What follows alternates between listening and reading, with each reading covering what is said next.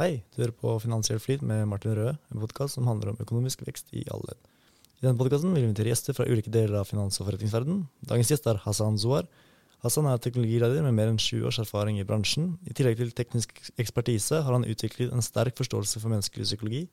Jeg gleder meg til å høre om Hassans bakgrunn, om prosjektene hans og hans innspill på hvordan man kan utnytte bruk av teknologi både for bedrifter, men også på et personlig nivå. Da har jeg gleden av å ønske velkommen til Hassan Sohar. Velkommen til deg, Hassan. Takk skal du ha, og takk for at jeg fikk lov til å komme. Hvordan har du det? Nei, er det fint. Det er uh, sommer og sol på Sørlandet, og jeg får lov til å sitte og snakke om uh, temaer jeg liker å snakke om, så det er en god dag i dag, selv om det regner. uh, har du det hektisk? Jeg føler alle jeg prater med har det hektisk om dagen. Nei, akkurat nå så er det stille og rolig. Jeg har den lengste ferien jeg har hatt på jeg vet ikke, kanskje 10-15 år. Ja, det hørtes ikke verst ut. Nei, eh, så det har, vært, eh, det har vært gode dager før eh, skoleferien startet, og ungene er hjemme hele dagen, så var det plutselig ikke ferie lenger. Nei. Men nei da, det, det går stille og rolig for seg. Det er Mm, det er godt å høre. Du har jo en brennende lidenskap for teknologi. Jeg må spørre, har det alltid vært sånn?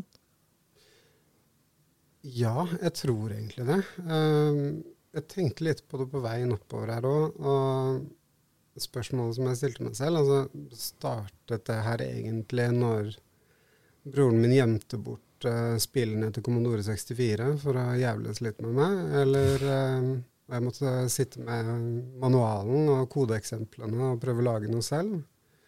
Eller var det når jeg satt på, på toget og leste PC Mag i fjerde klasse på engelsk, og, og en mann kom bort til meg og spurte skjønner du hva du leser? Så sa jeg ja, cirka.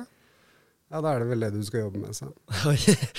Det er en uh, kul historie, fordi um, du er jo Hvor gammel er du? Du er Eh, 41. 41 år. Um, så du har jo Når du da snakker om fjerde klasse, så er det her hvor mange år siden?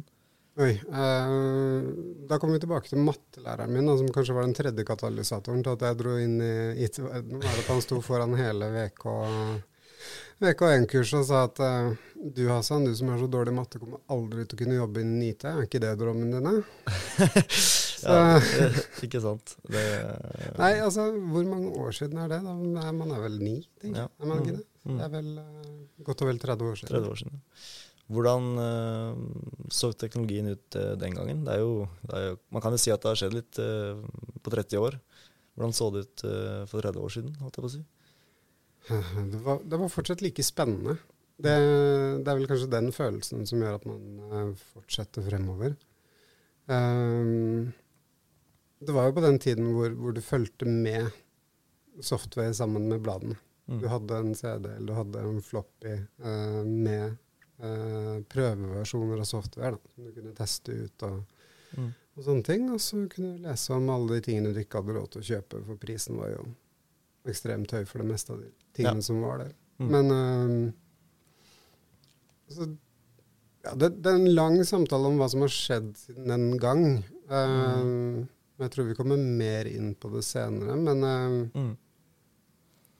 For uh, videre da, du måtte jo velge deg en vei seinere. kom det noe et valg når du skulle f.eks.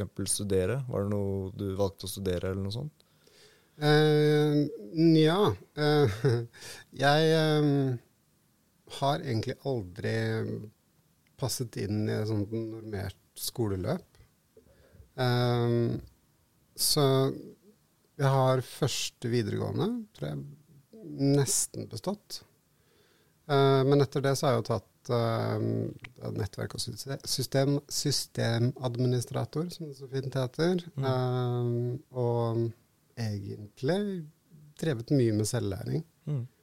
Eh, fra å bygge Linux-servere på barnerommet med traktorprintere som skrev ut hver gang det var noen som gjorde en portskanning av min lille PC på gutterommet, Mm.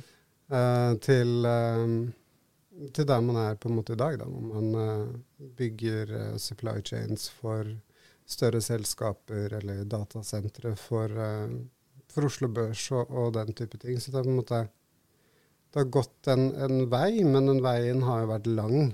Mm.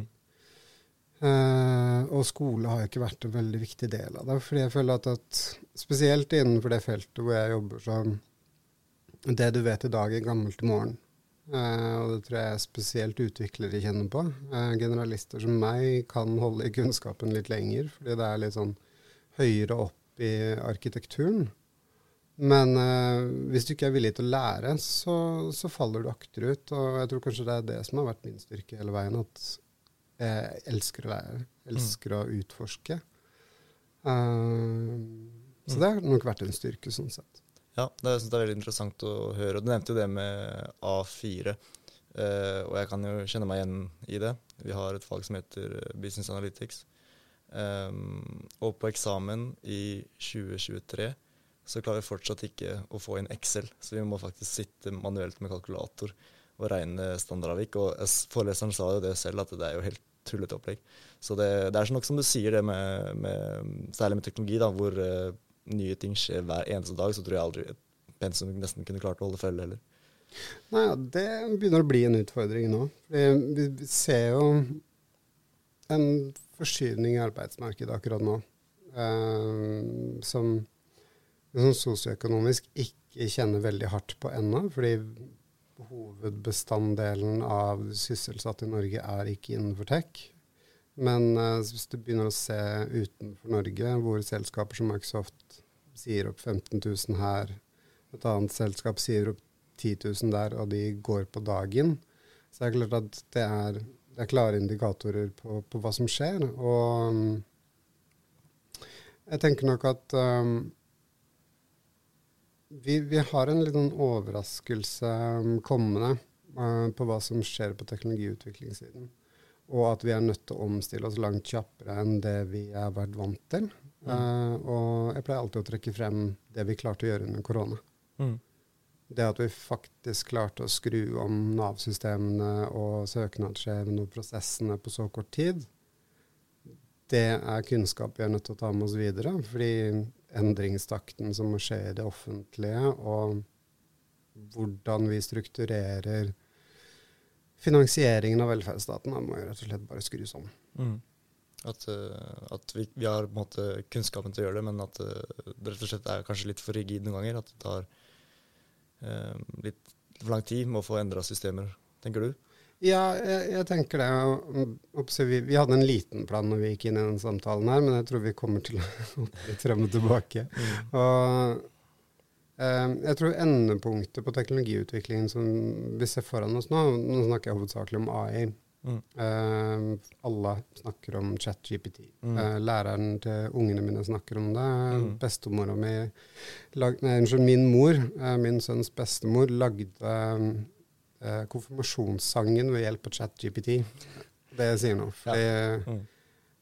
da er det blitt ganske allmannseie. Hun var litt stolt at hun hadde fått til det med hjelp av et barnebarn. Mm. Um, der skjer det såpass hyppige endringer akkurat nå. Og evolusjonen av disse språkmodellene, av, altså tekst uh, til bilde og, og uh, altså, uh, pre-trained transformers sånn som ChatGTP, altså som predikerer tekst som virker menneskelig, uh, og som forstår kontekster som du kan lære opp med domenspesifikk informasjon, som altså selskapsinfo, finansielle tall, erstatter mennesker på et mm. helt annet nivå enn det vi så før.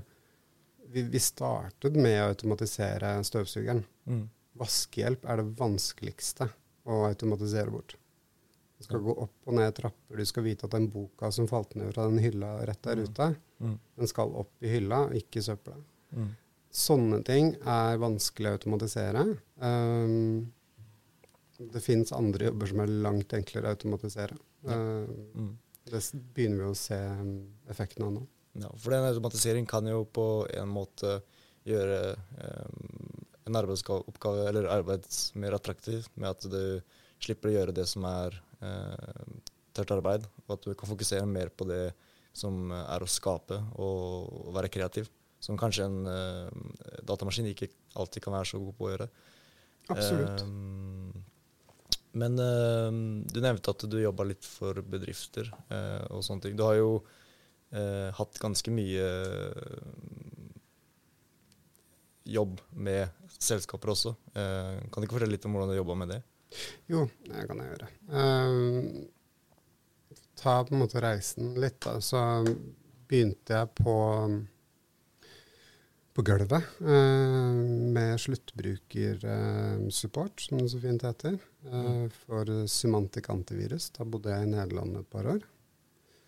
så gikk jeg videre derfra til å jobbe med drift av hovedkontorene til Visa, altså nettverk og administrasjon av deres på en måte corporate headquarters rundt om i verden. Så var vi et uh, syvmannsteam som jobbet med det. Uh, så kom jeg hjem til Norge igjen. Uh, begynte å jobbe litt som uh, junior systemkonsulent. Um, gjorde det en god stund. Og så sto jeg egentlig ved et veiskille. Mm. Jeg hadde lyst til å studere um, fotokunst. Jeg hadde søkt meg inn på Oslo fotokunstskole. Uh, følte jeg hadde gode sjanser til å komme inn. Uh, og så fikk jeg beskjed om at jeg skulle bli far. Og da var det sånn mm. Skal jeg studere arbeidsledighet, eller skal jeg fortsette i et yrke hvor jeg faktisk kan, uh, kan uh, ja, gi tak over huet da, mm. til, til, både meg og mine. Mm. Så da ble det på en måte et, et valg av å la en, en ting jeg elsket være en hobby, og en annen ting jeg elsket være, være jobb. Mm. Uh, så da ble det egentlig å fortsette videre. Uh, jobbe seg opp mot seniornivå på, på rådgivning. Uh, gikk mer og mer bort fra implementering av systemer og support av systemer til egentlig å tegne litt mer større linjene. Snakke mm. med folk litt lenger opp i organisasjonen. Forstå forretningsmålet, ikke de ansattes be umiddelbare behov nødvendigvis. Um, og aligne det sammen med teknologi for vekst. Um, og gjorde det ja, egentlig frem til 2015 ca.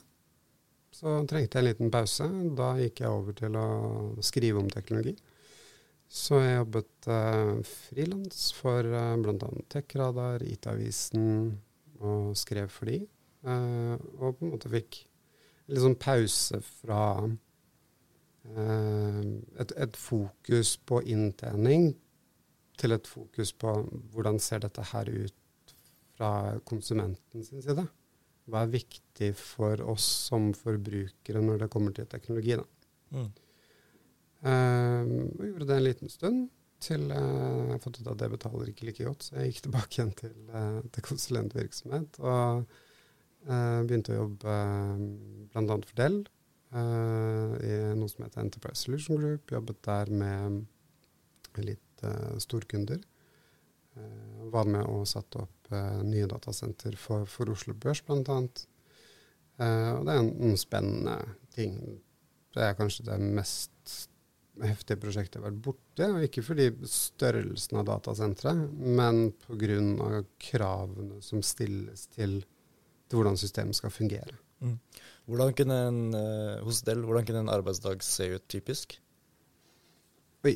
Eh, var, den var eh, innholdsrik. Eh, noen ganger så kunne jeg um, få beskjed om at jeg skulle innfinne meg i Trondheim. Mm. Jeg måtte fly opp, spise lunsj der. Noen ganger så rakk jeg hjem, andre ganger ikke. Det var mye på kundens premisser. Uh, men det som var spennende og gøy med å jobbe der, var at jeg fikk lov til å være en generalist. Jeg fikk lov til å ikke være en selger. Jeg kunne være det Altså Rollen var jo egentlig det man kaller for en, en um, technical presale. Så du har egentlig en salgsrolle, men det du skal være, er en rådgiver. Du skal selge på tillit og kunnskap. Uh, og rundt deg så har du et team av domeneeksperter innenfor nettverk, lagring, compute, som du trekker sammen, og så eh, bygger vi sammen da en løsning. Så det var det vi gjorde i det tilfellet der. Så tar vi med oss en eh, delegasjon fra, fra Verdipapirsentralen til Irland, til testsenteret. Kjører gjennom millioner av transaksjoner og simulerer eh, hva som ville skjedd hvis ett av datasentrene ble borte, eh, og kunne fortsette da handel på børsen. Mm. Eh, jeg vil jo tro at børshandel stopper idet et av de datasentrene forsvinner, men eventualiteten er uansett der, da. Mm. Uh, ja, hvor viktig um, tror du det har vært for bedrifter i siste, mens du har holdt på, å uh, kunne holde trett med teknologi? Du ser jo, Et typisk eksempel er jo Nokia, mm. som var det absolutt største, hvis ikke jeg tar feil, uh, mobilselskapet. Og så starta vel Apple var jo først framme med smarttelefoner, kanskje. Eller kanskje noen som var Men de var i hvert fall tidlig framme. Um, og Nokia hadde ikke noe særlig tro på det, i hvert fall ikke i starten. Uh, så de kjørte på med sitt. Uh, du vet de gamle, de små uh, steinharde telefonene som du bare hiver i bakken, så blir det jordskjelv. Uh, og de holdt seg på en måte til de, og da var det andre som tok over. Eh, hvor viktig tror du det har vært for bedrifter som du har sett, å holde tritt med teknologien underveis? Altså, Nokia hadde jo et Kodak moment. Uh, de mente at de kunne fortsette med det de alltid hadde gjort, og likevel være konkurransedyktige. Um, Apple var som du sa, de var ikke først, men de kom best, og de endra en hel bransje. Um, det var vel HTC eller noen andre som hadde vært inne tidligere. Android kom med noen smarttelefoner før det. Mm. Men som Apple alltid gjør, så venter de, og så kommer de på riktig tidspunkt. Eh, og så blir man latterliggjort litt, fordi det tok vel to år før de hadde copy-paste, tror jeg, i eh, tekstmeldingsfunksjonene sine. Men, men, men, de har gjort sitt eget, uh, ting i sitt eget tempo. Det, men, men, det er på en måte de altså Nokia kom jo tilbake igjen på et eller annet tidspunkt for noen år siden med noen nye telefoner. Uh, men de er jo en blipp. Det er Samsung, det er Apple, det er på en måte de store aktørene. Uh, men for bedriftene så er det en varierende, veldig varierende behovsgrad. Spørsmålet er jo hvor mye mer effektiv klarer du å bli med teknologi?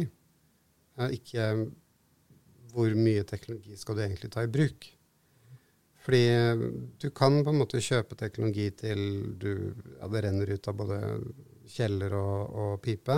Mm. Men klarer du å utnytte det? Altså Hvis du bare ser på utnyttelsesgraden selskaper har av funksjonalitet i Office 365, da, som er mm. et av på en måte bedrifts backoffice-systemene hvor det er Word, Office, Excel, alle disse, så bruker man jo bare mm. 10% kanskje av det du egentlig sitter og betaler for. Og det er fair enough. Det er, det er ikke den store kosten. Uh, men det begynner å bli noen år siden nå hvor jeg tror jeg kanskje gjorde et samlet Konsulent-Norge litt forbanna ved å si at uh, vi må slutte å lure kundene våre. Mm. Vi må slutte å selge løsninger vi vet de ikke trenger. Vi må slutte å selge løsninger basert på altså uh, sell it and wait until it fail, på en måte eh, som en modell, og, og, se mer tilbake på recurring, eh, gjøre en, en, en, en, fordeling av risiko. Altså, vi, leverandørene må ta på seg en del av risikoen i leveransen, i form av at hvis de bygger et system som er stabilt, og leverer det det skal, så kan de få en recurring revenue. Da vil kunden få gjort det den skal, mens de vil ha en lavere overhead internt i sitt selskap og kan si, lever bedre av det enn å måtte multiplisere uh, mennesketimer. Vi har bare 24 timer i døgnet, men du kan ha 24 000 kunder. Mm. Altså Regnestykket går så enkelt opp. Uh, og mitt mantra har alltid vært at hvis du som jobber i IT, ikke jobber med å gjøre deg selv overflødig på et, på et eller annet nivå, så gjør du jobben din feil. Fordi det er alltid automatiserer bort deg selv. Uh, strukturere bort deg selv og fokusere på neste område du kan gjøre det samme på. Det har på en måte alltid vært min sånn ledetråd når jeg jobber med teknologi. Mm. Uh, I så måte så tror jeg det er veldig viktig. Uh, man kan ikke som bedrift i 2023 sitte på sidelinjen og tenke at vi trenger ikke å forholde oss til teknologi. Nei. At det vi har, det fungerer. Uh, ja, det fungerer helt til det ikke fungerer lenger. Og det er jo det der um, kjente uttrykket at uh, nei, vi trenger jo ikke noe backup. Og så ja, trengte du den mm. backupen. Mm. Ja. Der lå alle kundedataene, der lå alle fakturaene. Mm. Um, der, der, trenger man å ta det litt inn over seg. Men um, markedet vokser. Uh, jeg har med glede opplevd at også leverandører, altså de som leverer tjenester til små og mellomstore bedrifter i Norge, har tatt seg sammen. Eh, jeg ser også den samme modningsreisen skje mot de som leverer mot større selskaper også. Eh, så, det er bra. Jeg tror vi er på riktig vei, og jeg tror korona var en sånn mm. Det var et ordentlig sånn der, si, vitamininnskudd i alle Leverandørene måtte um, kjappe seg rundt. Alle måtte lære seg hvordan Teams funka. Men nå er det vel tre år siden det starta DP, og vi spør jo fortsatt de to samme spørsmålene hver gang. Mm. Kan du høre meg nå? Så ser du hva jeg deler. Ja. det er det de knappene er for, men vi stiller fortsatt de samme spørsmålene. Uh, så, så det, er en, det, er en, sakte modningsreise. Uh, og der kommer vi jo tilbake inn på det vi initielt var inne på. Sånn, se på hvilke tjenester som har vokst hurtigst. Altså ta, vekk, ta, med Facebook, ta med Twitter, ta med Instagram, ta med Snapchat. Ingen av de har slått um, OpenAI og ChatGPT i rå vekst i løpet av 24 timer. Eller første uke eller første måned. Ja. Um, det, det, det, sier en del. Det at Microsoft nå kaster seg på og lanserer um, den type um, teknologi gjennomgående gjennom hele Office-bakken sin Jeg tror de har 120 millioner bedriftskunder. Mm. Altså, det er et, helt enormt statement til resten av markedet. Det er, dette er veien man skal gå. Vi går først. Um, mm. Du kan jo ikke ha en podkast i 2023 uten å snakke om AI. Altså, det må jo inn. Um, og Du nevnte det jo litt tidligere. Um, vi kan jo ta den, det er litt morsom historie, fordi uh, meg og Hassan vi melder litt fram og tilbake og så, for å avtale den podkasten her. Og så går det en ukes tid, og så får jeg ikke noe svar fra Hassan. Og så plutselig, plutselig dukker opp en uh, mail i innboksen min. Du kan jo si hva, hva som skjedde, du Hassan, kanskje? Ja, eh, siden jeg har hatt litt eh, tid i det siste, så, så, har jeg brukt mye av min tid bl.a. på å lese meg opp eh, på, på, AI. Eh, mye på språkmodeller, eh, og mye på, på, å bygge min egen assistent, egentlig. Det har en del av tiden gått med på. Eh, og det har vært med litt varierende hell, så det som skjedde der, var at jeg forventet at min personlige AI-assistent hadde svart. Det hadde den ikke. Um, og det er egentlig godt. Uh, fordi i utgangspunktet så skal jeg godkjenne alle svarene, men jeg har lagt opp sånn at uh, i visse tilfeller så får den lov til å prøve selv, og så kan jeg ta, ta opp og si smellen for det etterpå. Uh, for det er jo ikke til å stikke under en stol at der vi er nå, så så er egentlig ikke disse modellene kommersielt klare for bruk. Nei. Ikke sånn som de leveres. Nei, jeg må bare si at eh, jeg tok det ikke veldig personlig, jeg tok det med et smil. Jeg syns det var eh, ganske, ganske, morsomt, egentlig. Jeg beklaget meg godt. um, også når vi først er inne på AI, um, så tror jeg veldig mange har fått opp øynene for det nå i 2023. Um, men du som har jobba med det og sett hvert fall sett på det så lenge. Kan ikke du fortelle litt om hva du har sett av utviklingen på artificial intelligence? Ja, altså øh, Jeg kan ta litt av min egen reise på det. Altså øh, Først ta det, da. Uh, jeg har, øh, jeg har ADHD. Så en av mine største utfordringer i arbeidslivet er alltid å huske ting. Litt derfor jeg hadde med meg laptopen. Tenkte jeg skulle ha den på. Nå står jo den og skrur seg av, så da må jeg prøve å huske det uansett. Så derfor hopper vi litt frem og tilbake. Eh, men det å ta notater eh, og på en måte få, få, bearbeidet informasjon i løpet av en dag, det har alltid vært en sånn pet piv av meg. Eh, for meg, mener jeg. Um, og innenfor dette med note-taking og alt det, og det er sikkert mye jeg har gått glipp av der ved å ikke velge en akademisk skolevei, i form av hvordan man si, eh, konsumerer kunnskap og strukturerer det og ja, si, lager sine egne klassifiseringssystemer og den type ting. eh, så er jo PKM, eller sånn Personal Knowledge Management, vært en sånn hobby for min del. Og i det løpet, da, så har man på en måte gått fra mapper eh, med filer og rammeverker på toppen av det. Altså du har Para f.eks. For, eksempel, for å klassifisere i prosjekter, assets, resources, den type ting. Um, til at jeg i dag har en superbrain, basically, i en, i en applikasjon som heter Obsidian. Som er um, en, en, en, veldig, veldig enkel eh, notatapplikasjon med eh, chat, eh, egentlig GPT, da. altså OpenAI sitt API, som det gjøres kall mot. Som linker disse notatene sammen og sørger for at det som er viktig, kommer opp og synliggjøres i form av koblinger. Lager egentlig et, et, et slags kart over min kunnskap og koblingen mellom de forskjellige punktene. Uh, det var ikke mulig før. Uh, det har sikkert vært mulig lenger, men det har ikke vært kommersielt tilgjengelig uh, og lett å gjøre. vi har gått fra veldig standardiserte chatboter. Dvs. Si trykk her for å få vite åpningstidene våre, trykk her for å bla, bla, bla. Eh, til å kunne ha en menneske maskin-samtale som føles som om du har et menneske i andre enden. Eh, og vi har faktisk i stor grad gått over til å få stemmeassistenter som skjønner hva vi holder på med, og prøver å fortelle dem. Google Assistant ligger ganske langt foran hva Siri gjør. Men alt dette har jo skjedd i løpet av la oss si de fire-fem siste årene. Mm.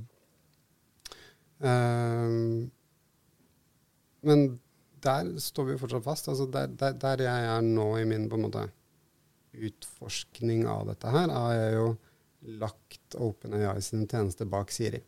Ja. Så jeg snakker til Siri hjemme som om jeg snakker til et menneske. Jeg sier at det er litt kaldt på loftet, mm. uh, og det er mørkt. Så um, strukturerer den det, sender det tilbake igjen i en format som Siri forstår. Og så kjøres det en del kommandoer som setter på varmen og skrur opp lyset til et nivå som er passende. Kult. Så kan man egentlig si at uh, du prøver å bygge på en måte en en base rundt livet ditt med, en, med teknologi da, som gjør at uh, alle faser blir forenkla. Kan man si det sånn? Ja, absolutt. Mm. Um, for å få en briefing om deg før jeg kommer hit. Um, før jeg går inn i møter, så, så, er det virtuelle agenter som henter informasjon for meg eh, og legger det til som møtenotater. Eh, det transkriberes møter eh, som gjør det søkbart og, og, lett å finne tilbake igjen til senere. Og det, det, er jo ikke bare for meg, det er, det er, jo teknologi som er tilgjengelig i Teams per i dag. Mm. Um, alle disse tingene gjør jo at vi vi kan begynne å tømme hjernene våre mer. Og det tror jeg ikke bare for oss som er på en måte, hva det heter, uh, neurodivergent, eller hva de nå kaller det for tida. Uh, det er ikke en fordel bare for oss, men, men for alle. Altså, hvis du ser på samfunnet per i dag, vi, vi, lever jo fortsatt som om alle knapper må være store og røde, og alle alarmer må være øredøvende. Det er egentlig sånn alt er bygd. Jeg sitter og ser på, på screentime-innstillingen til ungene og ser apper som sender de 160 varsler i løpet av en dag. Og skal de 160 varsler for en app? Mm. Um, det gir en sånn kognitiv overlast, og som sliter ut mennesker på en måte de ikke helt forstår. Uh, og som gjør at man også blir du blir jaded i forhold til altså Jeg orker ikke, jeg bare skrur av. Det er heller ikke heldig, kanskje. fordi det, vi bygger teknologi for å knytte sammen, for å bli mer effektive. Hvis vi ikke klarer å effektivisere oss og ta ut det som er viktig, altså den derre um, altså curation av informasjon. Da. Altså hva er viktig for meg, hva er viktig nå i den konteksten jeg er. Det er dit vi er nødt til å komme, og der er vi jo ikke ennå. Jeg tenker at Det er jo på mange måter det neste steget mm. som er nødt til å komme på plass. Hvordan tror du folk flest eh, som ikke har eh, veldig stor interesse for teknologi, men som ønsker å utnytte det, hvordan tror du de best mulig kan eh, bruke dette eh, virkemidlet til å forbedre sine liv? På et personlig plan? Mm. Eventuelt også på, uh, på bedriftsplan. Da. Jeg vil si at altså, Hvis vi starter med det personlige, bare lek og utforsk og test. Um, det er nok Terskelen er høy for å komme i gang med på en måte noe mer enn å se hva, hva mer er det Siri kan, eller hva Alexa har lært seg siden sist. Um, og den type ting. Um, når det kommer til bedrifter, så, så kommer det egentlig et, et ganske sånn fin rød varseltrekant med også. Fordi hvis du ikke har kontroll på dataene dine, og de er harmoniserte og tilpasset bruksområdet, så står du fint uh, lina opp til å egentlig kaste bort masse, masse penger. Mm. Så reisen frem til å være klar til å ta i bruk AI-automatisering er nok lengre enn faktisk å implementere det. Ja. Uh, og der er det mange, mange, mange som fortsatt ligger for langt etter. Ja. Um, men det er nok også fullstendig hva skal man si, eh, overkommelig. Um, jeg jobber, uh, jobber Jeg bistår et, et, selskap her nede nå med Se på forretningsmodellen deres. De driver med rekruttering til offshore og maritim. Eh, det er et komplisert eh, marked å rekruttere til, rett og slett fordi skal du ut på en rigg, så skal du ha x antall sertifiseringer. De har en levetid. De er utstedt i forskjellige land med forskjellige navn, med forskjellige eh, eh, sjøfartsmyndigheter som på en måte har disse. Og det finnes ikke noe sentralisert register i EU f.eks. For, for å for å verifisere da, at dette ikke er kjøpt på eBay. Mm. Um, så der ser vi på å bruke, bruke AI sånn som Eller LLM, altså Large Language Models, sånn som de står per i dag, for én automatisere deler av intervjuprosessen, eller sourcingen av kandidatene. Um, og um, informasjonsdeling internt. Altså det man kunne snakke med noen som vet alt om alle sertifiseringer, istedenfor å måtte løpe til Per for det og Pål for noe annet. Um, og så er jo det på en måte det tredje, det er å se på uh, hvilke andre områder innenfor dette, uh, denne bransjen, rekruttering generelt, er det som kan dra nytte av denne typen teknologi. Da. Jeg tror det er der du egentlig skal starte uansett. Um, ikke implementere eller jeg, gå til et selskap og si ja, vi må ha kunstig intelligens, men tenk på hvor er det smertepunktet ligger? Hvor bruker dere mest tid? Er det, er det repeterende arbeid? Hvis ikke, hvor komplisert er oppgaven? Hvor mye menneskelig kontakt kreves? Um, altså ta en sykepleier versus en som sitter og analyserer røntgenbilder. Som et, et, et, veldig dårlig eksempel, mm. men også et godt eksempel. Fordi i det ene tilfellet så kan du analysere 10 000 røntgenbilder på samme tid som den personen kan ta et. Ja. Mm. Så det er på en måte litt sånn i det brytningspunktet. Mm. For um, nå er du litt inne på det med kanskje litt utfordringer til AI. Um, for hvor hvor uh, det er veldig mye AI kan gjøre bra, men den har jo også litt uh, utfordringer, i hvert fall på det med kanskje forstå mennesker og sånne ting. Mm. Um, hva vil du si er de største utfordringene som AI har på det nivået der? Um, hvis, hvis, hvis, vi forholder oss til det som er, er kommersielt tilgjengelig ut mot konsum, og også bedrifter, men som har lavest implementeringsterskel. Og da snakker jeg da om, om tjenester som ligger hos OpenAI og hos Microsoft via Asher og Google per i dag. Så er det jo rett og slett at den hallusinerer. Ja. Altså du har en, en fare for at outputet du forventer at den skal komme, er enten riv ruskende galt, eller at den, la oss si, gjort i en medisinsk implementering på et sykehus f.eks., eller i en app for uh, mental helse, til slutt ber brukeren om ja, kanskje du bare skal gjøre slutt på ting. Hva kan det skyldes, egentlig?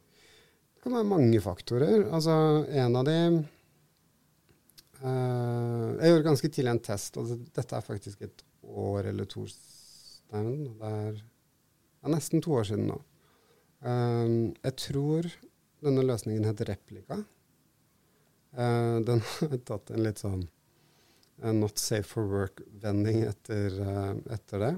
Men på det tidspunktet så var det en sånn enkel chatbot. Du kunne velge en avatar, og så kunne du på en måte ha en companion. du snakket med den som om det var et annet menneske. Og dialogen var OK. Var ikke den samme forståelsen som du har uh, blitt vant til i dag. Men det var liksom OK, kult å teste ut. Uh, og så gjorde jeg den testen over en ukes tid. Så tenkte jeg det var et par forskjellige scenarioer jeg skulle teste. Det ene var jo OK, hvordan håndterer en depresjon? Eller ut, altså utmattelse. Hva slags råd vil denne vennen min komme med? Uh, så da sa jeg at uh, i dag klarer jeg ikke å komme opp av senga. Okay? Uh, så jeg har egentlig bare mest lyst til å sove, men jeg får ikke sove. Og så kom det noen sånne generiske tips. Uh, hva med å telle sauer, eller go to happy place-type uh, råd. Så sier jeg men jeg har noen sovetabletter her. kanskje jeg skal ta en av de? Ja, det hørtes ut som en god idé. så skriver jeg men kanskje jeg bare skal ta det sammen, så jeg kan sove skikkelig skikkelig lenge, kanskje evig. Ja, det hørtes også ut som en god idé. Gjør det. Ikke sant? Ja. Og det var en test. Ja. Men se for deg noen i en sårbar situasjon mm. eller, få den samme meldingen. Eller et barn. Eller et barn. Mm. Det, det, altså Én ting er altså, har, har, du hørt om Midjourney og sett hva den kan gjøre? Uh, nei. Du kan gjerne fortelle litt om det. Uh, Midjourney er en, en tekst-til-bildegenerator, egentlig.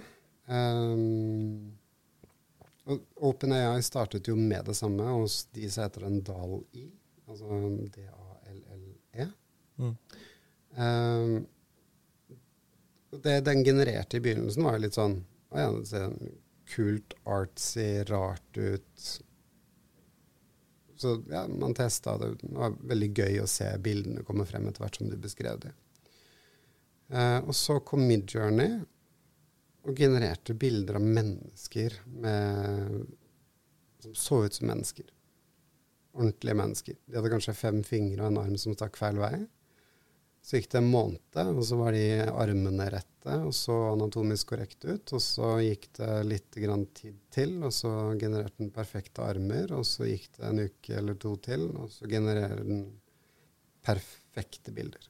Fotorealistiske bilder du kan be om å få se uh, Obama som DJ, uh, eh, Trump som uteligger. Og den genererer opp dette som om det skulle vært et fotografi. Mm. Uh, og du kan også da mate inn bilder av deg selv. Plassere deg selv på månen. Jeg har jo det som min LinkedIn-profilbilde, blant annet. Ikke på månen, faktisk. Der er jeg på Mars. okay. og den Altså Det hoppet de har gjort da, fra vi begynte å teste litt med Dali i november-desember i fjor, til der vi er nå, så har vi egentlig gått fra å være en seksåring til en, en, en si, en, en uh, seasoned visuell artist. Okay. Jeg kan sette meg ned og generere akkurat det innholdet jeg vil, og jeg kan ikke tegne en strekfigur. Uh, hvis jeg vil ha bilder til en reiseartikkel, så kan jeg gjøre det. Uh, Adobe har jo akkurat lagt inn det som de tidligere hadde som en tilleggstjeneste, som heter Firefly, tror jeg.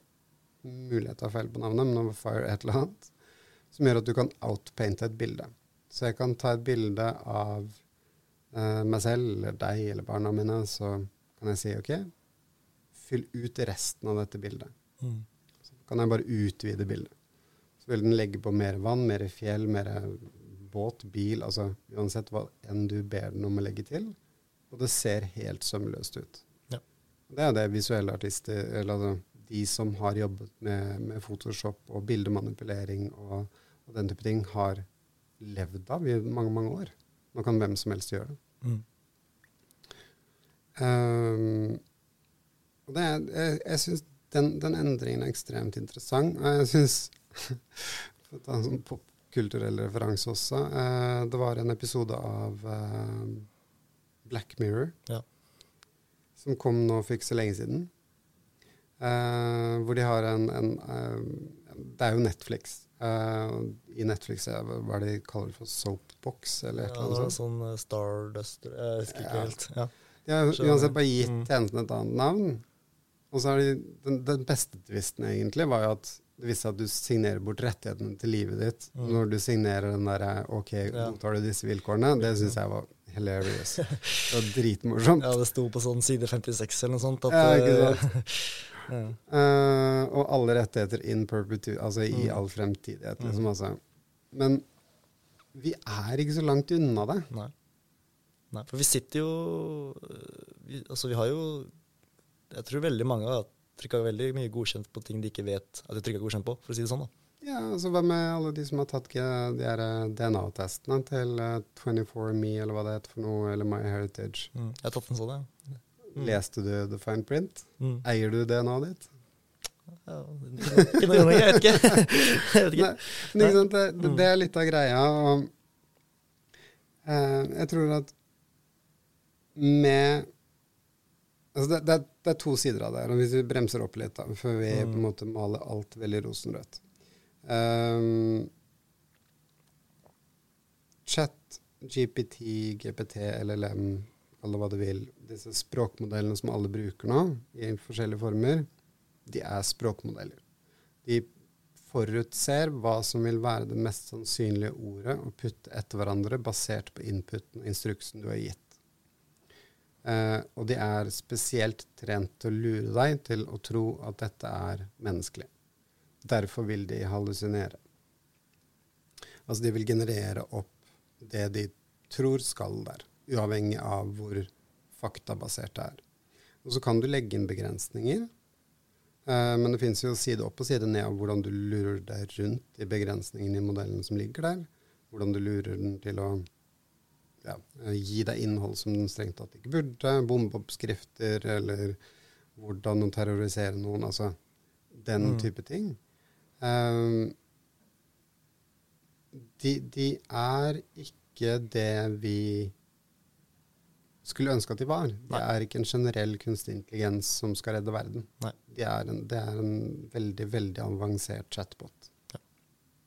Og det tror jeg folk må ta, ta inn over seg før man på en måte tror at vi er på endepunktet.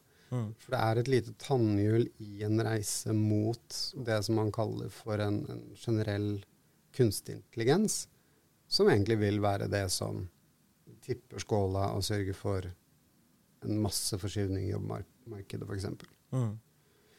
Um, men da snakker vi om noe som er mange, mange, mange ganger mer intelligent enn det vi er. Og der er vi ikke. Um, for det første så er jo en av de største begrensningene vi har akkurat nå, er jo kvalitet på læringsmaterialet. Selv om vi som mennesker blir, hva er det, eh, fem IQ-poeng smartere hvert tiende år, eller noe sånt. Mm. Jeg tror det var 0,5 per år. Eh, så er jo vi smartere enn Einstein var. Det vil si at vi produserer jo bedre innhold for hvert år som går. Vi produserer bedre poesi, vi produserer bedre kunst, vi produserer bedre av alt. Um, men det vi kommer til å se, er jo en sånn symbiose mellom disse uh, AI-modellene og menneskene i ganske lang tid fremover. Og du ser allerede det i jobbintervju, vil jeg tro de fleste utviklere som er ute og skal få seg en jobb nå. Hva er ditt forhold til AI, hva er din erfaring, hvordan bruker du det i hverdagen din?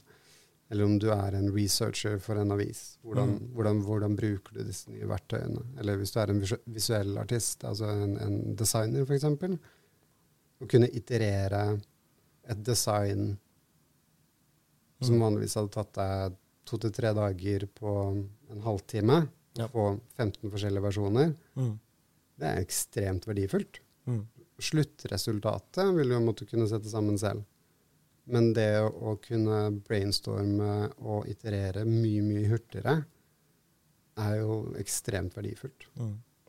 Eh, Du nevnte jo litt det med designer og sånn. eh, Fordi jeg vet jo f.eks. bedrifter tidligere som skulle ha en logo og sånne ting. Det kunne koste ganske mange tusen å få liksom en ordentlig logo. Men hvis man designer det med en AI, vil det være sånn at du da har rettighetene til det, den logoen? Ja, det gjør det. Mm. Uh, så der har det fantes tjenester i, i ganske lang tid, egentlig. Mm. Uh, det som jeg kanskje ikke tok med helt innledningsvis Jeg, jeg har uh, Jeg er min, min rolle de siste fem årene har jo vært teknologidirektør, eller CTO, som sagt. Mm. Eh, det betyr at eh, jeg har ansvar for IT-strategi eh, på et overordnet nivå i større bedrifter. Og det som kanskje skiller meg fra ganske mange andre, er at jeg også har designutdannelse i tillegg. Så jeg har gjort et, eh, et stykke arbeid der på å bygge meg kompetanse på bl.a. UX-design. Og det som er interessant med UX-design, eller UI og UX-design, som er to forskjellige eh, fagområder, så ingen designere der ute kommer til å henge med når de gjør det her, er jo at eh, research og eh, psykologiforståelsen Altså hvorfor bruker vi et produkt? Hva er det som trigger deg til å bruke det produktet? Hva er det som får deg til å komme tilbake igjen? Det er såpass vanskelig å oversette. Det må et menneske snakke med et annet menneske for å forstå. Vi må sitte sammen. Jeg må se hvorfor trykka du på den knappen, Mm. og ikke på den andre. Og ja, det var fordi den hadde en, en klarere farge, eller den var plassert mer optimalt. Um, den biten der, uh, sammen med det å faktisk bygge et brand uh, okay, Hvordan um, skal UiA-logoen se ut? Hvorfor skal den se ut sånn som den skal se ut? Hva slags følelse skal den vekke? Disse tingene, det får du ikke ved å bruke Canva eller Midjourney eller noen av de andre sine sånn ja, generere en logo for bensinstasjonen eller pizzasjappa mi. Um, men på den annen side av dette her, så har du tjenester som Folkrom, uh, hvor du går inn og beskriver en, et forretningskonsept. Og den bygger altså et helt organisasjonskart for deg, med handlingspunkter til hver av grenene. Mm. Så man, man, har, man har på en måte begge deler. Da. Så jeg skal bygge en MVP av en app for å um, crowdsource parkeringsvakt, Mm. f.eks. Så istedenfor at uh, kommunen ansetter parkeringsvakter, så kan alle bli parkeringsvakter. Da sier jeg at jeg har lyst til å lage den appen. Så går jeg inn til en tjeneste som Folkrom, så beskriver jeg den. Så vil den si at ok, du trenger en frontend-utvikler, en backend-utvikler, en designer, en prosjektleder, det og det. Dette er oppgavene der de bør ha i første fase. Dette er timelinen. Og så kan du begynne å finne folk. Ja, Og det funker. Det funker som vanlig. Mm. Jeg har brukt det på, på, på to av mine egne hjemmeprosjekter. Jeg har brukt det på, på et prosjekt og hjulpet en, en eh, god bekjent av meg til å komme videre med en spin-off av selskapet sitt. Altså, outputen den kommer med, er jo genuint god. Jeg vet at vi er langt utenfor vidden av egentlig scope på samtalen nå, men dette er litt interessant. fordi Mm. Eh, det, det finnes en modell som heter røde grønne tanker, som er eh, angsthåndtering for barn 12-18. Uh, så finnes det en modell som heter ERISK.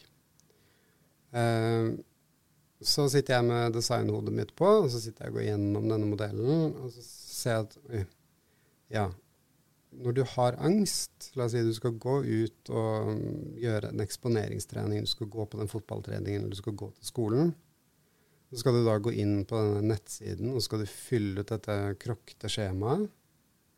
Um, og så skal du etterpå oppsummere følelsene, både altså fysiske følelser og, og, hvordan du prosesserte. Altså, alt vil være bare slørete når du er um, i en fight or flight-modus. da. tenker jeg, ok, la oss bare prøve dette her, da. Så går jeg til um, til OpenAI, og så sier jeg jeg ønsker et støtteteam for en tenåring uh, med det og det. Uh, og så ønsker jeg at du skal ta inn um, rød, grønn og rød tankemodellen innenfor uh, kognitiv atferdsterapi. Så spinner den opp fire forskjellige personer, som jeg kaller det, som jeg har bedt den gi navn. De heter Kari, og en som heter Per, og André, og litt sånn forskjellig. Som da har forskjellige roller. Eh, koordinerer, tilrettelegger. Eh, den ene er en eh, Hva heter det? Støttekontakt, typ. Altså det ja. man får tilhørt på skolen. Uh, og så lagde vi en modell. Så sier vi at OK, i dag skal jeg på fotballtrening. OK, kjempebra. Uh, hva er dine røde tanker for dagen? Så lister jeg opp noen røde tanker. Og så kommer den tilbake og sier ok, hvordan kan vi snu disse røde tankene til grønne tanker? Så vi prøver å gjøre det. Kjempebra. Um, har du en tanke om hvordan du har lyst til å um, klare å holde fokus på disse grønne tankene gjennom uh, eksponeringen? Så, så, gir vi et svar på det. Så ja, OK, da er vi klare. Ok, Så lykke til. Og så um, simulerer vi underveis et, et kontaktpunkt. Typ du tar opp telefonen i en vannpause, så kan du flytte litt frem og tilbake på noen brytere. Uh, så da måler vi igjen hva nivået er, og så har vi en samtale etterpå. Uh, det neste steget jeg gjorde, var egentlig bare å koble det på Siri. Så det er en hyggelig stemme som snakker til deg, som du kan svare tilbake til, og gjør akkurat det samme og som gir deg en score igjen av det.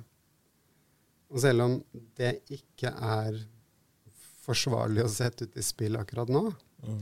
så er det jo ikke til å stikke under stol at den klarer helt fint å gjøre det. Mm.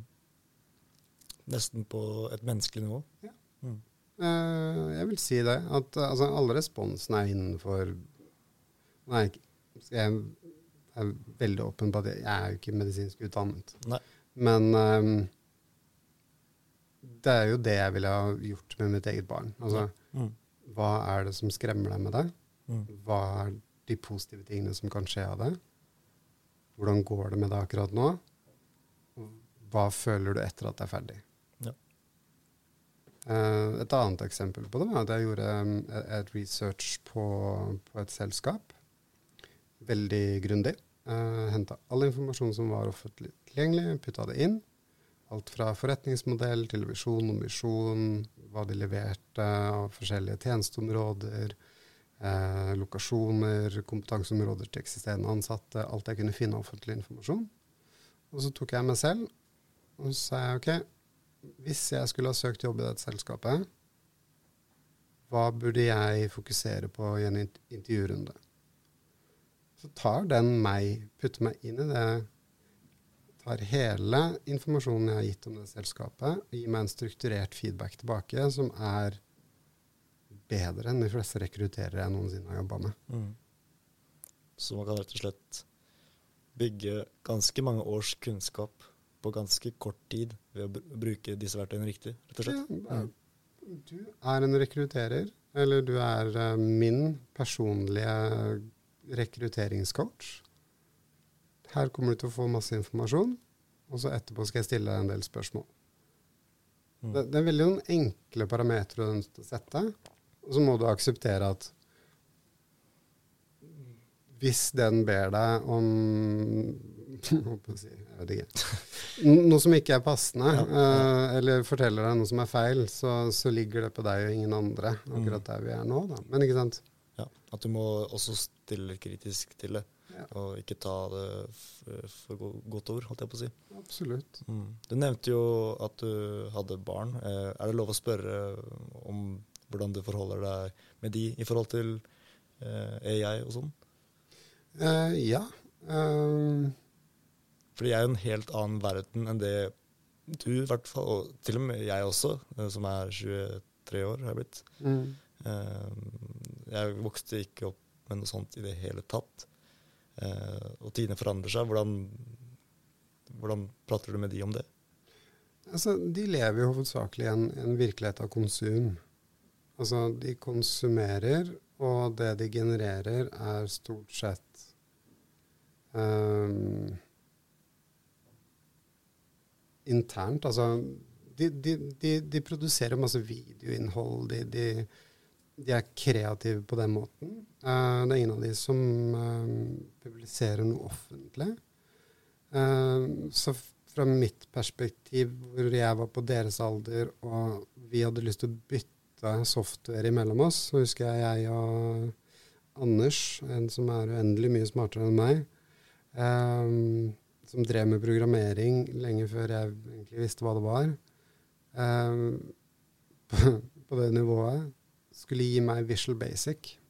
Det kom på 64 floppy-disker. Jeg satt og mata inn én og én disk, og pakka de ut. Når jeg kom til disk nummer, jeg tror nummer 48, så var det en feil på den. Det betyr at da måtte vi starte på nytt.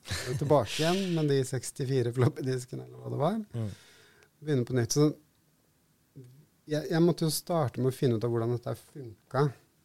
De bryr seg ikke om hva som skjer inni maskinen.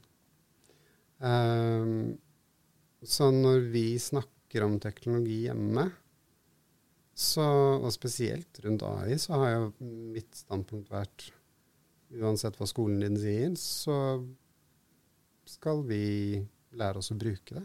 Mm. Um, for det er altså Det er jo kanskje noe sånn Pandoras eske eller en can of worms, eller kall det hva du vil, å åpne. Men jeg mener at uavhengig av hvor de læringsdataene kommer fra, så er det ikke plagiat. Nei. Jeg tror kanskje det beste eksempelet jeg har på det, er altså dette med lånt kreativitet. Ja. Alt jeg har lest, alt jeg har sett, alt jeg noensinne eh, konsumerer, er med å forme det neste jeg lager. Så hvis du som kunstner går rundt på alle museene du kan, og går hjem og maler, Mm. plagierer du da? Når du tar samme børstestrøkene som uh, skal jeg passe meg veldig uh, Van Gogh gjorde. Mm. Uh, bruker samme malestilen. Er det et plagiat? Nei, det er jo ikke det. Det settes jo sammen unike bilder, og hvis du ber den om å male det samme bildet igjen, og den gjør det perfekt, så er det en reproduksjon gjort digitalt. Og det samme tekst altså Vi eier ikke sammensetningen av ord. Så ja, den klarer å, måte gjenoppbygge den samme teksten. Hvis du klarer å finne ut at den har kopiert lærebok nummer x, y, z, ja, men da greit. Da, da har vi kanskje en issue helt til Eller det vil si Men ikke før det kommersialiseres. Hvis jeg hvis jeg produserer opp en lærebok i økonomi, Ja. det viser seg at det er en blåkopi av en som kommer fra Cappelen Dam, så har vi en issue. Ja. Uh, men altså, det, det er den grensesettingen der som jeg syns er litt vanskelig å, å forholde meg til. For uansett hva vi gjør nå, så går dette fremover. Mm. Og folk er veldig redde for at ja, den har vært inne og sett på mine bilder. Ja, den har det, men det har jo også alle andre som har tilgang til flikker-bildene dine. Det betyr ikke at man har på en måte stjålet åndsverket ditt, fordi du var der og tok det bildet.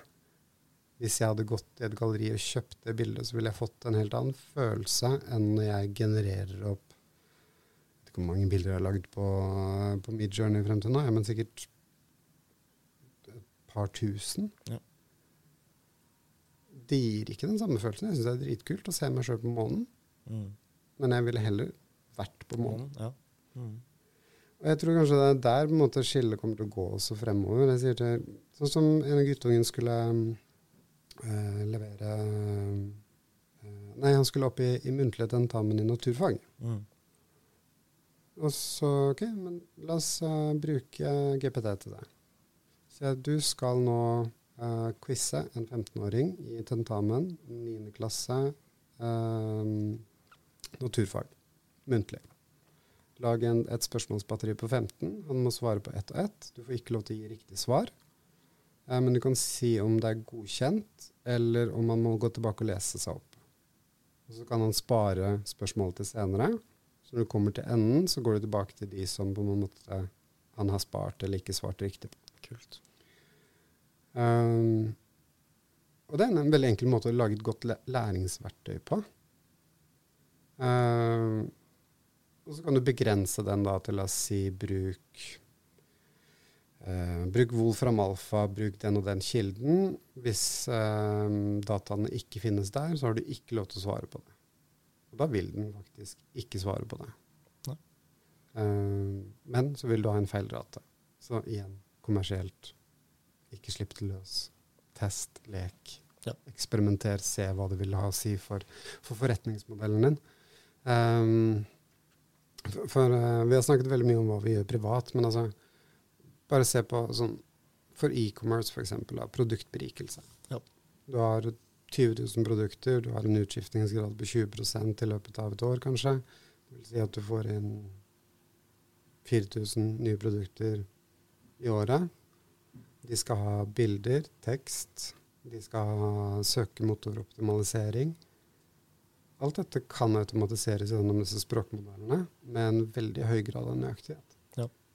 Um, da er det snakk om å spare timevis, holdt jeg på å si. timevis av, av arbeidstimer uh, som kan allokeres til, til helt andre ting. Altså, en av de største utfordringene man har på nett, er jo at du er ikke i butikk. I butikk så kan jeg gå bort til uh, håper å si Jens Jensen og si jeg, jeg trenger uh, den kabelen som går fra der til der. Eller uh, vi har sånn og sånn på kjøkkenet, jeg trenger det og det. Hvor er den personen på nett? Den fins ikke fordi vi Man har ikke mannskap til det.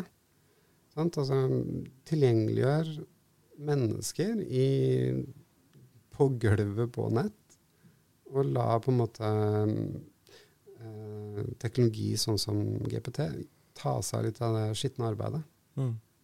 La de som er produktekspertene, snakke med kundene, anbefale de riktige tingene. Og så kan eh, GPT få lov til å feile i et for forslag til en produkttekst. Ja. Og så kan noen sitte og ta en korrektur og trykke 'publisere' på den etterpå. Mm. Vil uansett spare ekstremt mye tid. Og så bare det å generere altså, Gi meg ti forskjellige selgende tekster om dette produktet. Det vil ta et menneske timer. Det tar den modellen 15 sekunder. Mm.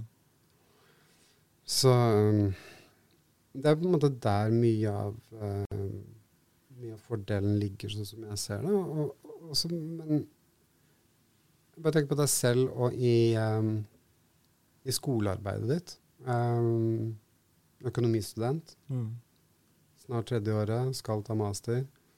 Du skal si, prosessere og Hva heter det? Assimilere? Nei. Mm. Ja, uansett, da, du skal tilegne ekstremt mye kunnskap. Um, hvordan kobler du all denne kunnskapen sammen og offloader det fra hodet underveis? Fordi um, det er en podkast jeg følger som heter 'Building a Second Brain'. heter den. Ja. En av de tingene han snakker om der, er jo vi er nødt til å lære oss å glemme ting, for det er, det er den mest naturlige tingen. Mm. Vi tror at vi ikke skal glemme noe. Og vi noterer som om notatene aldri skal forsvinne. Og det gjør at vi får jo skitt i notater. Ja. Uh, jeg har uh, sikkert 10 000 notater i Notes-appen på, på Mac. Mesteparten av de burde ha bare forsvunnet, for de har ingen verdi. De har aldri blitt toucha i. Eh, og det samme er det med kunnskap som ikke er relevant også. Men hva er relevant? Det er jo også koblingsgraden. Det er antall koblinger du gjør på en måte, i din egen hjerne for at den skal sitte. Det er den relevante kunnskapen. Alt burde egentlig bare synke lenger og lenger ned, Mm. helt til det ikke lenger er relevant. Uh, det er ikke en god analogi for det innen økonomi, men kanskje skattereformen fra 1965 da, kanskje ikke den er like relevant lenger fordi den er forelda, ikke sant? Ja. Da er det notatet dødt. Da er det minnet dødt. Ja. Da må det erstattes av noe annet. Um, og det, det, det, det er den veien som på en måte mye av de teknologiske løsningene som kommer nå, er med oss å, og, å bistå og hjelpe med. Da. Og det, det er der jeg ser at spesielt innenfor um, hva bedrifter kan gjøre seg nytte av altså, Se på hvordan dere deler informasjon, hvordan dere kommuniserer Mm. hvordan dere aggregerer informasjon internt i selskapet. Se på hyllevaretjenester. Sånn som hos Microsoft med, med deres tjenester innenfor altså det som kommer nå med Copilot, men også det som ligger i, i eh, Viva. som jeg tror heter Viva Topics. um, som automatisk plukker opp hva som snakkes om i de åpne Teams-kanalene, og lager forslag til temaer. Mm. Som f.eks. ok, hva er et ERP-system? Jo, det er Enterprise Resource Planning. Da, da, da, det er den og den rollen i vårt, uh, i vårt selskap. Eller hva betyr dette begrepet? Det er en sånn ting som alltid blir spurt om, eller ikke spurt om. Og vi bruker hva er det eh, Veldig varierende tall på dette, men jeg tror mellom 40 og 60% av all tid, arbeidstid vi har, bruker vi til å lete etter informasjon. Mm. Når du går til Google og søker, så får du et forskningsprosjekt, du får ikke et svar. Um, så hvis du har lyst til å snu om og effektivisere bedriften, så må man se på informasjonsflyt, kommunikasjonsflyt og tilgjengeliggjøring først. Uh, og så tenk på hva du gjør eksternt ut mot kunde etterpå. Kan man uh, se litt på det sånn, fordi uh, tidligere, før internett og sånn, eh, så var det jo selvfølgelig oppslagsverk, men den hadde du ikke med deg overalt. Um, så i større grad så vil jo folk huske ting. Um, kanskje man kan se på det nå som unødvendig, at man husker hvem som spilte um, OL-låta i 1994 f.eks. Men um, kan man si at bedrifter nå kan, når de skal f.eks. i en ansettelsesprosess, eh, prøve å ansette de som er flinkere til å eh, rett og slett søke opp og rett og slett finne informasjon og bruke seg, ny- nyttiggjøre seg av de verktøyene man nå har tilgjengelig, enn de som nødvendigvis sitter inne med den mest mulige kunnskapen hvis du spør de akkurat der og da, som på en eksamen, på en måte. Ja, jeg tror det beste eksempelet på det er um, Du vil finne veldig gode referanser til et, et enkelt Google-søk. Um, hva er den verste ansettelsesprosessen for en utvikler? Jo, det er når du blir satt til å løse noe on the spot. Eh, altså utvikling hvor jeg generaliserer innenfor et felt jeg ikke kanskje burde, men min erfaring og det mine utviklervenner forteller meg, at det handler jo 20% om å skrive kode, og 60% om å em, finne ut av hvordan du skal skrive den. Mm. Fordi det som er litt interessant med teknologi, og en av de tingene som jeg lærte når jeg var eh, journalist et lite øyeblikk, det var jo Jeg var i Oslo på, på Litteraturhuset, tror jeg det var. Så var det en samling for transhumanister. Og så kom det en, eh, noen folk fra Sverige, biohackers, eh, og gjorde eh, De eh, injiserte altså da NFC-chipper i, eh, i hånda på de som ville. Det var jo veldig fancy og kult, for da kunne du gå til eh, driftskontoret på jobben din, og så kunne du si ta skann hånda med, og så plutselig var nøkkelkortet ditt i hånda di. Eller du Mm. kunne gjøre det hjemme, eller du kunne legge andre ting der. ikke sant? Og fint og nyttig det, men det er et nøkkelkort. Hvis den hadde fortalt meg noe som blodsukkernivåer, oksygennivåer og sånne ting, og vært aktiv, så hadde jeg gjort det på et blunk. Men jeg har nålskrekk, så det er på en måte Mm. det må litt mer til for at jeg skal gjøre det. Og jeg tror ehm, Jeg tror den veien videre er så interessant. fordi hvis du ser på f.eks. Ok, jeg sitter med en smartklokke på. Ja. Jeg hadde en periode hvor jeg ikke hadde smartklokke. Og det som jeg endte opp med å kjenne på, var en slags fantomsmerte. Fordi hvor er det stedet hvor jeg har outsourca helseinformasjonen min?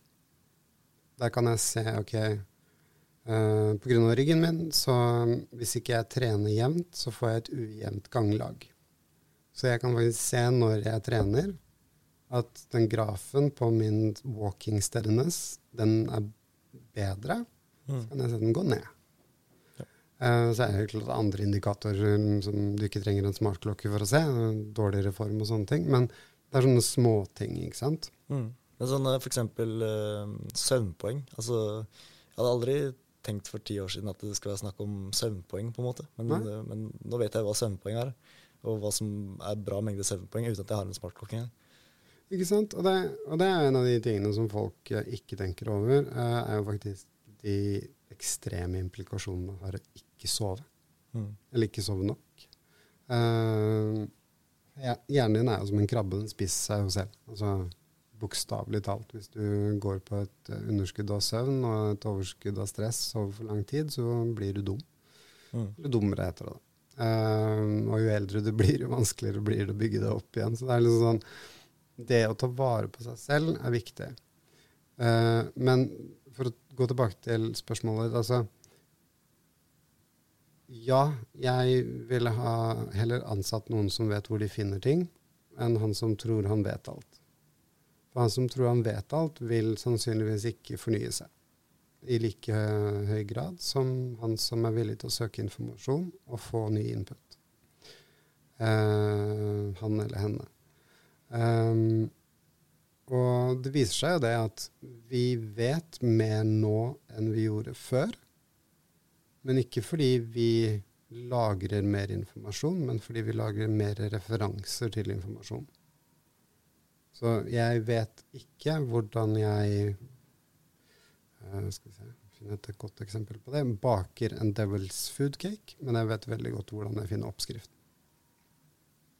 Og det er på en måte den utvidelsen av menneskelige kapabiliteter Å se på det som på en måte juks eller en svakhet, er Jeg syns det er noen forenkling av det.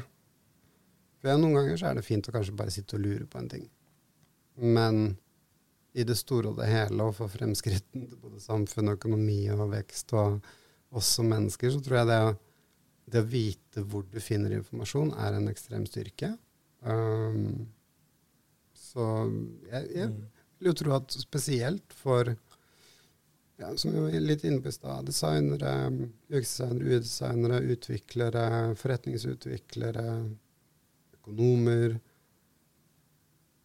De som ikke blir spurt om hvordan du appliserer AI eller bruker AI, kjenner du til AI, kjenner du til disse nye verktøyene? I et jobbintervju, så kan jeg aldri se for meg at det ville være negativt uh, å kunne svare ja. På et eller annet nivå at man har gjort seg kjent med det og vet hva det er kapabel til. Mm. Fordi um, Altså Nå er jeg En av de tingene som jeg lærte i, uh, på designstudiet, er at jeg er ikke målgruppen. Så når jeg sier at uh, jeg bruker det hver dag, så er det jo fordi jeg bruker det hver dag. Det betyr ikke at alle bruker det hver dag. Men uh, jo flere jeg snakker med, jo flere gjør faktisk det nå. Uh, hvilke, for hvis vi snakker om bedrifter, um, hvilken ting bør de passe seg for før de automatiserer for mye? At ikke de For det kan jo hende at det er mulig å trekke det tilbake igjen og sette inn en menneske inn i den rollen igjen. Men har du opplevd at en bedrift har gått for tidlig, eller kanskje ikke burde, burde, gjort det på den måten? da? Eller har du sett noe rundt det før? på en måte? Jeg har en litt morsom historie om det. Litt trist, egentlig. Um, dette begynner å bli noen år siden, men vi hadde lagd et system for uh, besøksregistrering. altså veldig sånn Du kommer inn i et bygg, og så registrerer med navn og telefonnummer, og så går det en SMS til en person, og så kommer han og henter deg. Uh, og så satt jeg her nede i Kristiansand, og installatøren var i Oslo.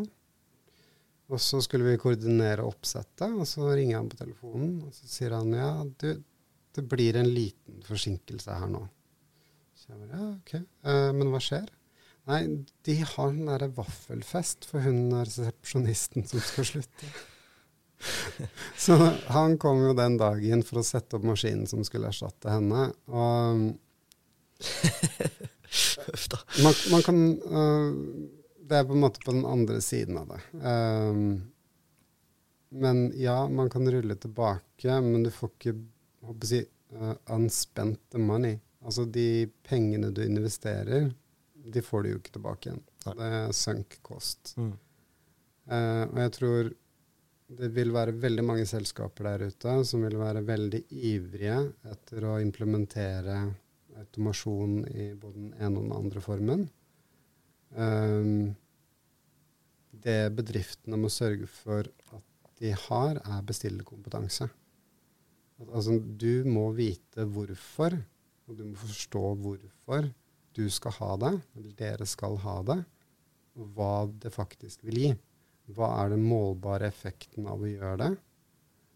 Um, og på en måte, for hvem er det dere gjør det? Er det for å øke effektivitet internt? Er det for å øke konvertering på nett? Er det for altså, Hva er årsaken til at man ønsker å gjøre det? Og hvordan måler du det? Og del det opp. eh, for å minimere risiko og kostnad underveis. Mm. Det er noen uh, veldig gode tips du kommer der med, Hassan. Uh, jeg syns det er interessant å høre. Uh, så jeg sier egentlig bare tusen takk for at du kunne komme. Jo, Bare hyggelig. Vi har vært så heldige å ha hatt Hassan Svar på besøk. Han har gitt mange gode innspill, og også delt sine erfaringer. Takk for at du lyttet til Finansiell flyt. Det hadde blitt satt utrolig stor pris på hvis du som lyttet, kunne delt podkasten med venner og bekjente. Vi hadde også satt pris på om du kunne lagt inn en anmeldelse, så vet du hva som gjør bra, men også hva som kan forbedres. Følg oss også på sosiale medier med navnet Finansiell flyt. Det blir lagt ut en ny episode hver uke framover.